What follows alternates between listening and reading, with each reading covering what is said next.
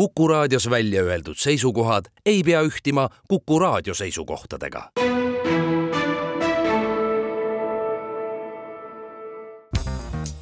järjejutt. Koobo Abe, Kastimees, Loomingu Raamatukogult. järjejutt. Ueno puhastamine hulkuritest. täna hommikul vahistati sada kaheksakümmend inimest selleks, et ennetada sarimõrvari number sada üheksa järjekordset tapatööd, vahistasid Tokyo Ueno linnaosa Taito rajooni politseijaoskonna ametnikud kahekümne kolmandal kuupäeval enne Koidikut Ueno parki ja Keisei liini Ueno jaama maa-alustesse tunnelitesse talvituma asunud hulkurid. väärteo paragrahvi hulkurlus ja loata tungimine eravaldusesse ja liiklusseaduse rikkumise, ebaseaduslik viibimine sõiduteel või tunnelis alusel vahistati pargis asuva Tokyo kultuurikeskuse taga ja maa-alustes tunnelites kokku sada kaheksakümmend isikut, kes viidi Ueno linnaosa politseijaoskonda, kus neilt võeti sõrmejäljed ja neist tehti fotod Taito rajooni sotsiaalhoolekande osakond toimetas haiglasse neli isikut, kes väitsid end olevat haiged ning saatis veel üheksa eakate hooldekodusse. ülejäänud vabastati vahi alt pärast seda, kui neilt oli võetud kirjalik lubadus loobuda hulkurlusest. kuid tund aega hiljem oli suurem osa neist naasnud oma endisesse asukohta. minu juhtum Need on ühe kastimehe märkmed. ma istun praegu kasti sees ja alustan märkmete tegemist. ma olen üleni pappkastis, mis ulatuks mulle täpselt niueteni, kui ma selle all püsti seisaksin. niisiis olen mina praegu kastimees ja see tähendab, et üks kastimees teeb kasti sees istudes ülestähendusi kastimehe elust kuidas valmistada kasti. materjalid. tühi pappkast, viiekümne sentimeetrise küljepikkusega ruut pool läbipaistvat kilet, umbes kaheksa meetrit veekindlat teipi, umbes kaks meetrit traati, teravotsaline väike nuga, tööriist lisaks tänaval liikumiseks vajalikule tavariietusele varuda kolm vana puldankotti ja paar kummist töösaapaid kasti valmistamiseks sobib igasugune tühi pappkast, mille laius ja pikkus on üks meeter ning kõrgus enam-vähem meeter ja kolmkümmend sentimeetrit. aga tegelikult oleks parem, kui see oleks niinimetatud standardkast. esiteks on standardset kasti lihtsam hankida teiseks kasutatakse standardsuurusega kaste enamasti suure hulga erineva kujuga kaupade, nagu näiteks toiduainete ladustamiseks, mistõttu on kasti konstruktsioon vastupidav. kolmandaks on selliseid kaste üksteisest keeruline eristada.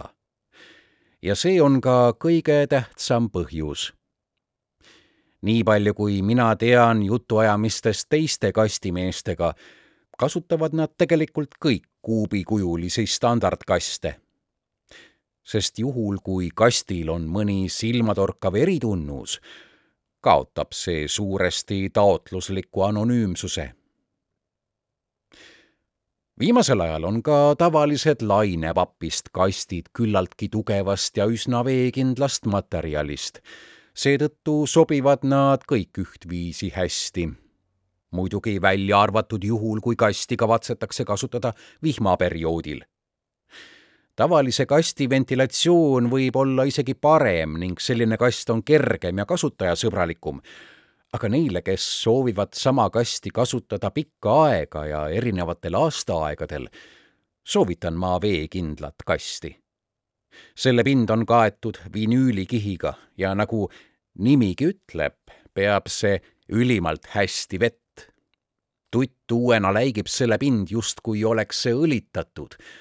aga kuuldavasti tekib selle kasti pinnal lihtsasti staatiline elekter, mis võtab kergesti külge mustust, jättes mulje, nagu oleks kast tolmune veekindla kasti servad on ka paksemad kui tavalisel kastil ning näivad veidi lokkivat, mille järgi saab neid hõlpsasti teistest eristada ei ole täpseid protseduurireegleid, mida kasti valmistamisel tuleks silmas pidada. kuid kõigepealt peaks siiski otsustama, kumb kasti ots jääb ülespoole ja kumb allapoole. aga seda võib teha kastile trükitud pildimustri järgi. või jätta ülespoole see ots, mis on vähem vigastatud ja lõigata ära alumine osa. igaüks võib talitada oma parema äranägemise järgi kui on tarvis palju asju kaasas kanda, jäta pappkasti põhi ära lõikamata ja murra papilapakad lihtsalt sissepoole, kinnitades need traadi ja teibiga. niiviisi saad neid kasutada riiulitena asjade hoidmiseks. seejärel kinnita teibiga ripnema jäänud papilapakate servad kolmest kohast kasti laes ja ühest külgedel. äärmist hoolt nõuab piiluava tegemine. kõigepealt tasub paika panna selle suurus ja asukoht. kuna need parameetrid sõltuvad kasti elaniku individuaalsetest mõõtudest, soovitan järgmisi numbreid võtta vaid üldiste soovitustena. Poleks paha, kui ava asetseks nii, et selle ülemine serv jääks kasti laest neliteist sentimeetrit ja alumine serv sellest omakorda kakskümmend kaheksa sentimeetrit allapoole. ava laiuseks võiks olla nelikümmend kaks sentimeetrit. kui oled välja arvestanud, kui paks peab olema üle pea tõmmatud kasti tasakaalustamiseks mõeldud kiht, näiteks mina kasutan selleks pea peale asetatud ajakirju, siis peaks kasti laest mõõdetud neljateistkümne sentimeetri joon jääma kusagile su kulmude kõrgusele. sulle võib tunduda, et ava asub liialt madalal, kuid igapäevaelus tuleb harva ette olukordi, kus sa peaksid ülespoole vaatama. seevastu piiluava alumist poolt kasutatakse sagedamini ja sinu toimetulekut mõjutab see rohkem kastiga oleks keerulisem kõndida, kui sa ei näe vähemalt poolteist meetrit endast ettepoole. avalaiuse osas ei ole tegelikult väga rangeid nõudmisi. selle võib paika panna vastavalt vajadusele. peaasi, et kast on tugevast materjalist ja laseb hästi õhku läbi. kuna kast on altpoolt niikuinii avatud, siis võiks piiluava olla võimalikult väike järgmiseks tuleb piiluava ette kinnitada poolläbipaistvast kilest kardin. sellega on seotud ka üks väike trikk. kile ülemine äär tuleb kleepida teibiga piiluava välisserva külge ning jätta see siis vabalt rippuma. samas ei tohi unustada, et kileribade kinnitamisel peaks nende vahele jätma pilu.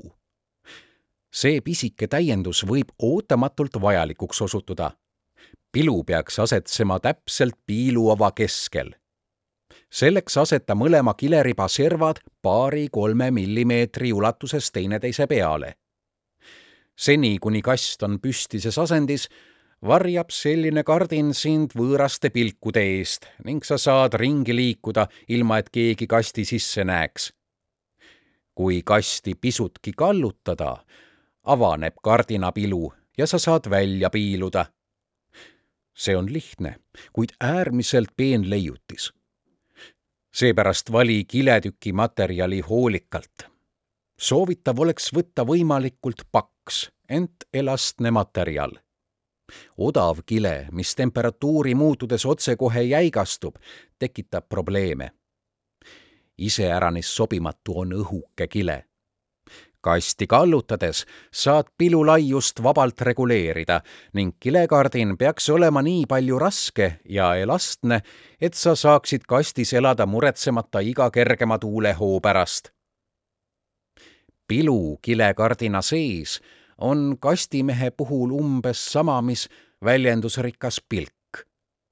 oleks vale arvata, et see on lihtsalt üks piiluauk vaid väheke pilu suurust muutes on võimalik selgelt väljendada oma suhtumist.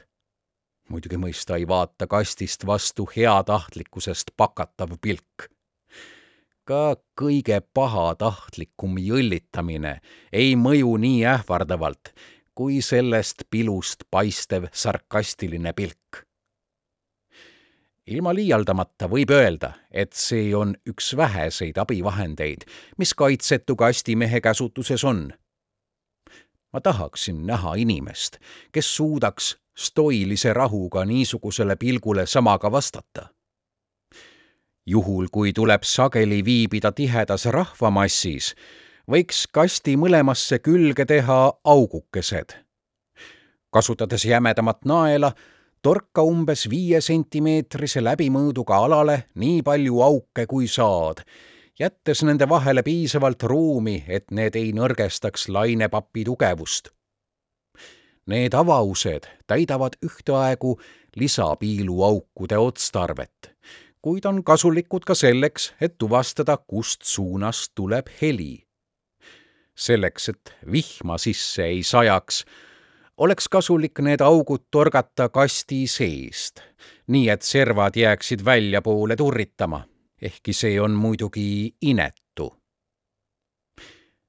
ja viimasena lõika järelejäänud traat kolme eri mõõtu, viie, kümne ja viieteistkümne sentimeetristeks juppideks ning painuta traatide mõlemad otsad konksudeks, mille külge saab asju riputada. Isiklikke esemeid võiks sul olla võimalikult vähe. kuid samas on esemeid, nagu näiteks raadio, kruus, termos, taskulamp, käterätik ja väike kotike pudi-padi jaoks, millest on miskipärast raske loobuda ja mille väljavalimine nõuab üksjagu vaeva. kummisaabaste osas ei ole mul midagi erilist lisada. Peaasi, et neis poleks auke.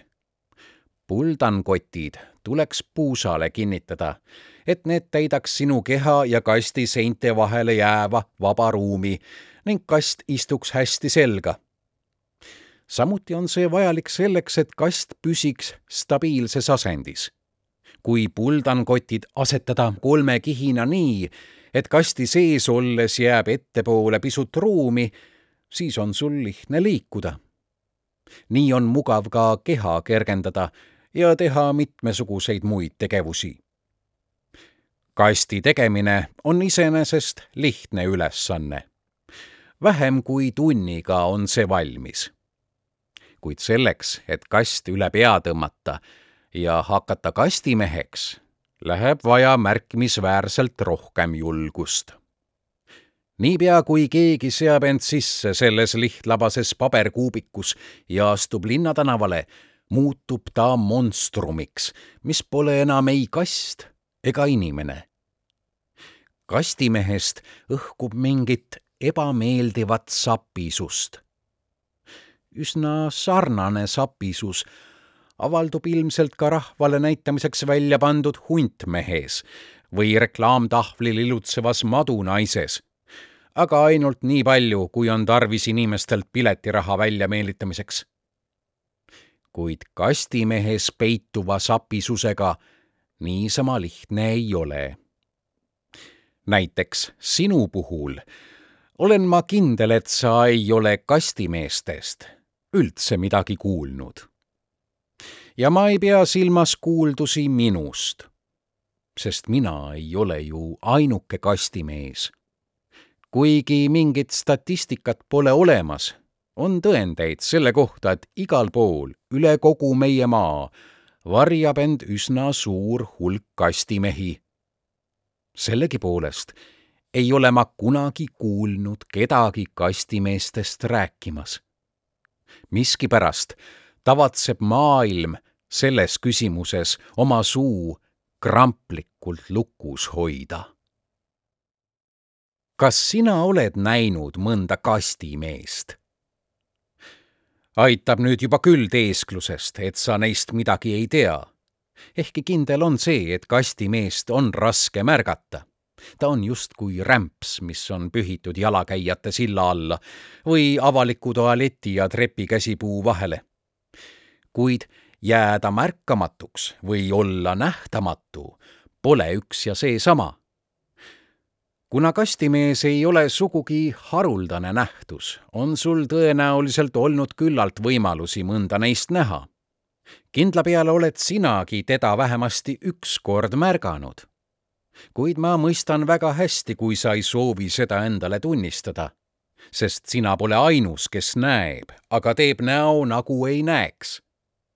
ilmselt tekib ilma igasuguse tagamõtteta instinktiivne soov pilk mujale pöörata. Juhul, kui keegi kannaks öösel päikeseprille või varjaks oma nägu maskiga, arvataks muidugi, et ta haub kurje kavatsusi või vähemasti peetaks teda üheks üsna pahatahtlikuks tüübiks. Pole siis ime, et kogu oma keha varjav kastimees äratab kahtlust. olgu, kuidas on, kuid mis võiks selles olla nii meeldivat, et keegi hakkaks heast peast kastimeheks võib-olla tundub see sulle veider, kuid enamasti on sellel hämmastavalt lihtlabane põhjus. kastimeheks hakkamise ajend võib olla nii tühine, et esmapilgul ei tundu see üleüldse mingi põhjusena. näiteks võib siinkohal tuua A juhtumi. ühel päeval asus üks kastimees elama otse A korteri akende alla. kuigi A üritas teda mitte vaadata, nägi ta teda kuidagi iseenesest ikkagi ta püüdis kastimeest igati ignoreerida, kuid oli tema kohalolust siiski täielikult teadlik. esmaste emotsioonidena valdasid A-d ärritus ja kimbatus, sest keegi oli illegaalselt tunginud tema territooriumile. seejärel tekkis temas viha ja põlgus selle võõra keha vastu, mis oli end seal sisse seadnud siiski otsustas ta olla mõnda aega vagus ja oodata, mis edasi saab. ta lootis, et küllap võtab midagi ette mõni tema agaratest naabritest, kes alatasa näägutasid prügi teemal või mõnel muul põhjusel. ootas, mis ta ootas, aga polnud märkigi sellest, et keegi oleks asjaga tegelema asunud kuna ta midagi muud välja mõelda ei suutnud, kaebas ta olukorrast kortermaja majahoidjale, kuid sellest polnud abi. kastimeest oli näha ainult A korteri akendest ning see, kes suutis olla nii tähelepandamatu, ei soovinud muidugi mõista vabatahtlikult lahkuda. Kõik teesklesid hoolega, et nad teda ei näe lõpuks pöördus A politseijaoskonda. kui tülpinud politseinik palus tal kirjutada avalduse kahju tekitamise kohta, tundis A esimest korda elus midagi hirmusarnast. ametnik nähvas talle irooniliselt ja teie vist andsite talle sõnaselge käsu sealt jalga lasta, mis? seepeale A vihastas ja tal ei jäänud muud üle, kui asuda ise tegutsema. teel politseijaoskonnast koju astus ta läbi sõbra juurest ja laenas temalt õhupüssi. koju tagasi jõudnud, tõmbas ta ühe sigareti, rahunes maha ja vaatas nüüd aknast tollele mehele otse silma. ehkki seni oli ta piirdunud vaid silmanurgast piilumisega muidugi võis see olla täielik juhus, kuid ka kastimees oli kasti esiküljel oleva piiluava pööranud otse tema poole. Neid lahutas vaevalt kolm-neli meetrit. just nagu tajudes A sisemist kimbatust, kaldus kast veidi küljele, nii et ava ees rippuv pool läbipaistvast kilest kardin lahknes keskelt kaheks ja tõi kasti sügavusest nähtavale kahjalt morni silma, mis A-d ainiti põrnitses. A kaotas enesevalitsemise. ta rebis akna lahti, laadis õhupüssi ja võttis tüübi kirbule. Aga mida sihtida? niivõrd lähedalt võinuks ta kastimeest tabada otse silma aga sellest oleks võinud paksu pahandust tõusta. tegelikult piisanuks talle ka väikesest õppetunnist, et ta enam oma nägu siinkandis ei näitaks. samal ajal kui A püüdis ette kujutada oma vastase asendit kastis ja aimata tema keha piirjooni, tundis ta, kuidas ikka veel päästikul olev sõrmeots muutus tundetuks ning sõrm hakkas tõmblema. oleks palju parem, kui asi piirduks ähvardusega ja too tüüp lihtsalt lahkuks. tal polnud tahtmist verd valada. kuid teisalt ei saanud ta ka lõputult oodata sest kui teine oleks läbi näinud, et asi jääb vaid ähvarduseks, siis poleks mõtet sedalaadi heidutust teinekord enam proovida. läbemata enam kauem oodata, hindas A vahemaad sihtmärgini ja taas täitis teda pulbitsev raev. aeg kuumenes üle ja lahvatas leekidesse. ta vajutas täie jõuga päästikule seepeale kostis esmalt püssitorust ja seejärel kastist plaksatus. just nagu oleks vihmavarju käepidemega laksatud vastu märga püksisäärt. sel samal hetkel hüppas kast õhku. ükskõik kui nutikalt seda materjali ka ei kasutaks, lainepapp on sellegipoolest vaid paber kuigi kartongi pealispind ilmutab survele märkimisväärset vastupanu, osutub ta nõrgaks, kui surve koondub ühte punkti. ilmselt oli tinakuul tunginud otsejoones tüübi kehasse. kuid kastist ei kostnud ühtki karjet ega vandesõna, nagu oleks võinud oodata. pärast seda, kui kast oli korraks õhku hüpanud, seisis see taas vaikselt paigal, kuid tundus, justkui oleks seal sees toimunud äärmiselt aeglane liikumine. A oli pettunud. ta oli sihtinud piiluava vasakust alumisest nurgast mitu head sentimeetrit allapoole. arvestuse kohaselt oleks umbes seal pidanud asuma õlaliiges, mis ühendab paremat käsivart õlaga kas tõesti oli ta kõhelnud nii kaua, et tema sihtmärk oli end vahepeal liigutanud. kuid kast oli lasu järel siiski väga kõrgele õhku hüpanud. järsku tekkis Aal ebameeldiv kujutluspilt, et kastimees ei pruukinudki olla kasti sees tema poole näoga mehe alakeha oli üleni puldankottidesse mässitud, nii et oli võimatu täpselt öelda, millises asendis ta seal sees oli. Polnud välistatud, et ta ei istunud mitte rätsepaistes, vaid oli hoopis kägaras, põlved kasti sees poolviltu. kõige halvemal juhul võis kuul lennata õlast mööda ja tabada kaelal unearterit. A suu ümbrusesse tekkis ebamugav tuim sõõr. justkui unenäos jooksis ta trepist alla. hinge kinni pidades ootas A, et kastis toimuks mingisugune liikumine, aga ei midagi. ei, ilmselgelt ta siiski liigutas end. Polnud kahtlustki, et kast kaldus õige pisut viltu ehkki mitte nii kiiresti kui kella sekundi osuti, aga kiiremini minuti osuti liikumisest. kas ta kukub ümber?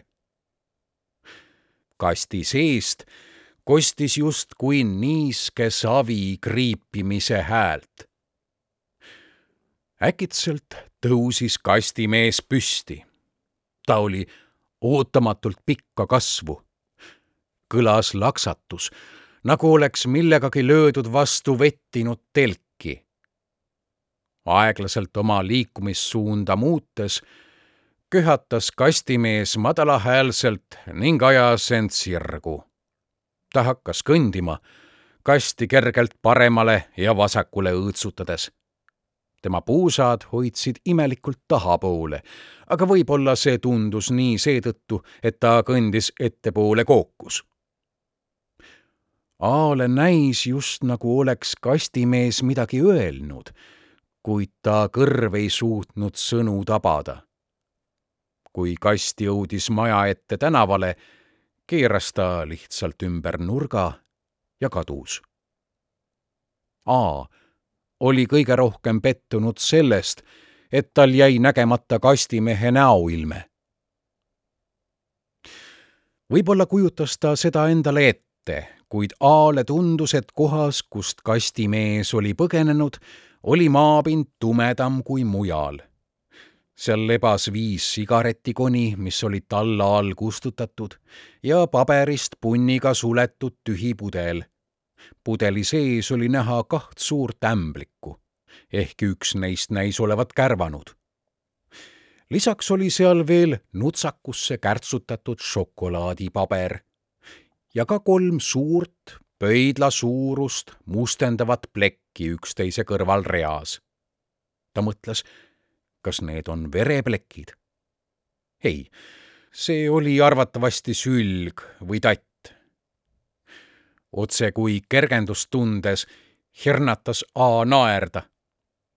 tuli välja, et ta oli siiski oma tahtmise saanud vaid umbes pool kuud hiljem oli A vahejuhtumi kastimehega juba peaaegu unustanud. ainult tööle minnes tekitas rongijaama viiv otsetee temas ebamugavustunde ning tolle kitsa raja vältimiseks muutis ta alateadlikult oma marsruuti.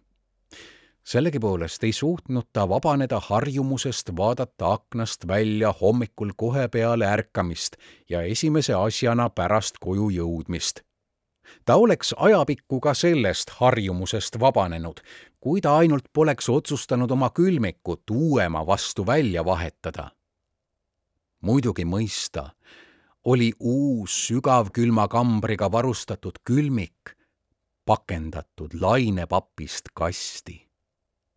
ja mis veelgi hullem, see oli just sobiva suurusega kast niipea kui sisu oli kastist välja tõstetud ja see tühjaks jäi, tuli kastimees Aale jälle meelde. taas kuulis ta vihisevat heli.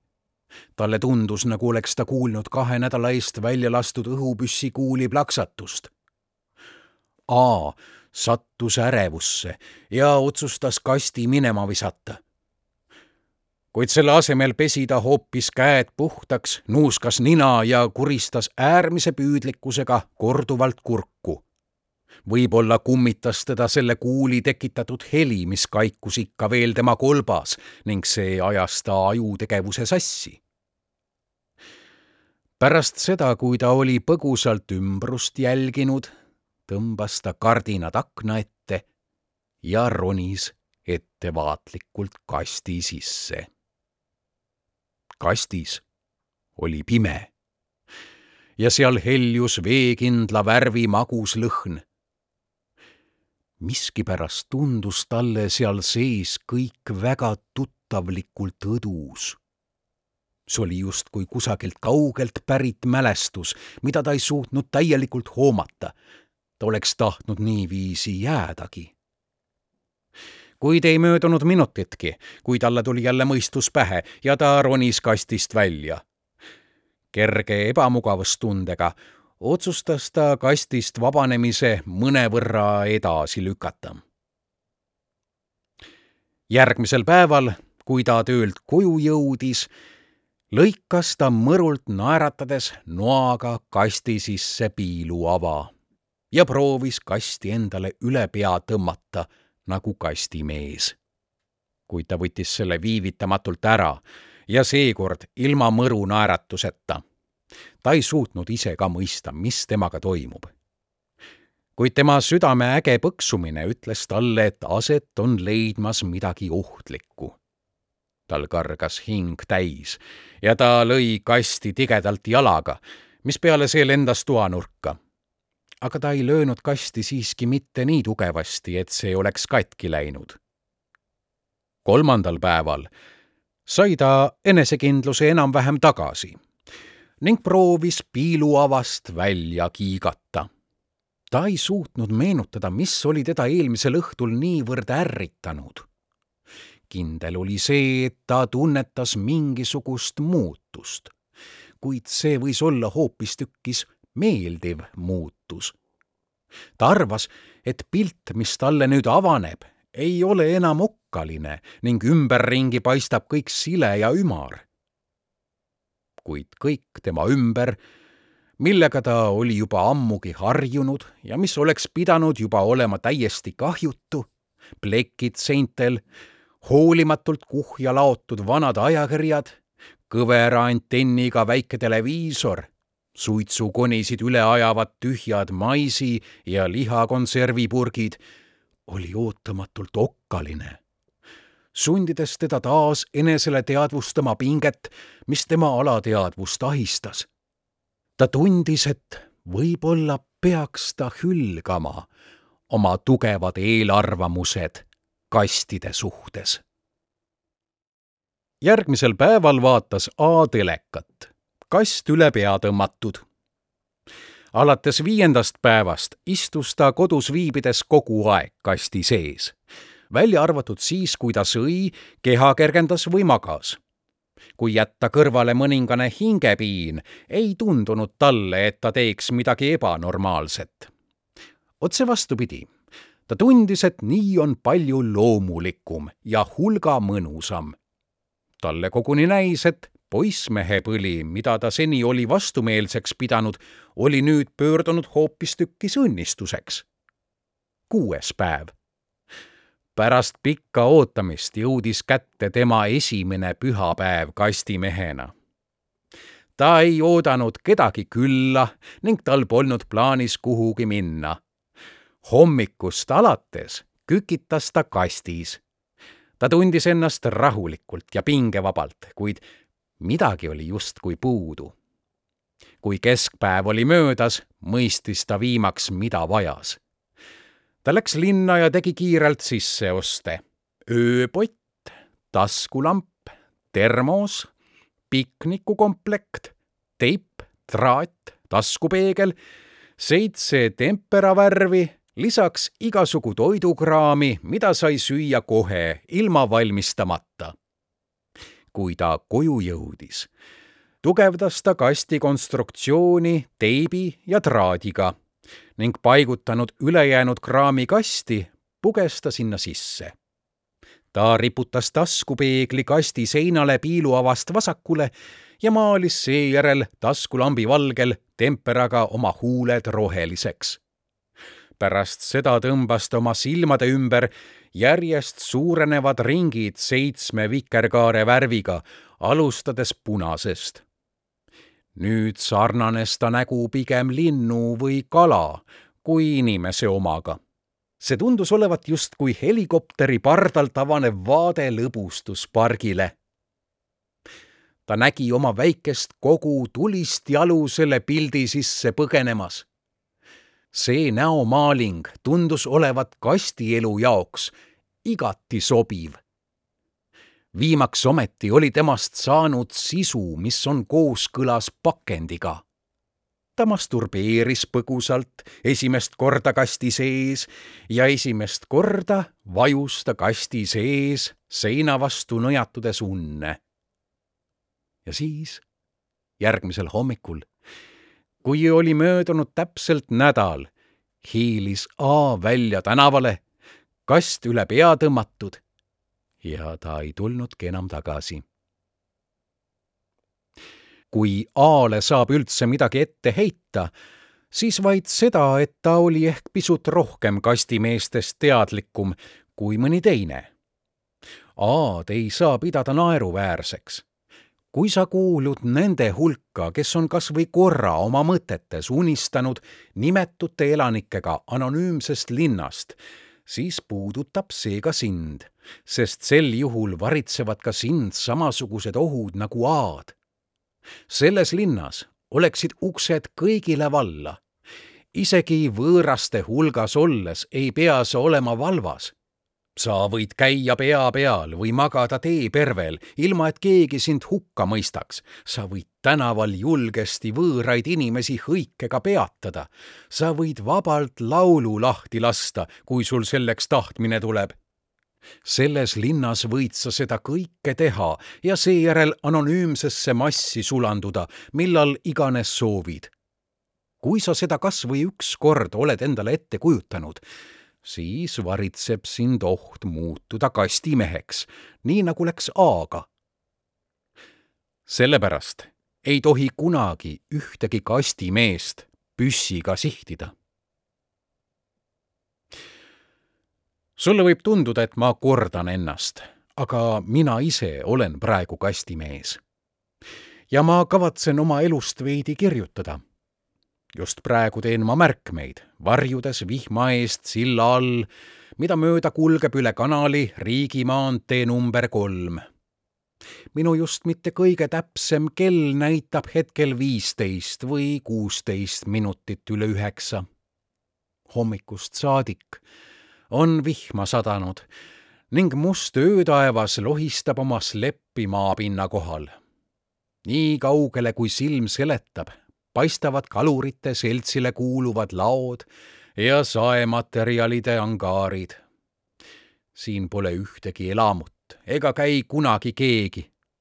siia ei ulatu isegi mõlemas suunas üle silla sõitvate kaubaautode esitulede valgusvihk.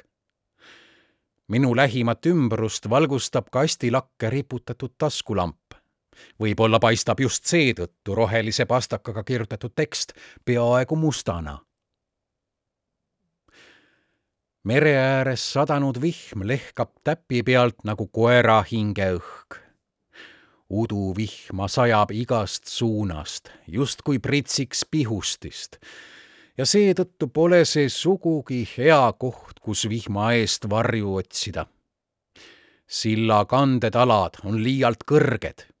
jah, vihma korral ei ole see sobiv varjualune igatahes ei valiks ükski kastimees ise sellist kohta ega aega näiteks kas või taskulambi kasutamine on lihtsalt kohutav raiskamine.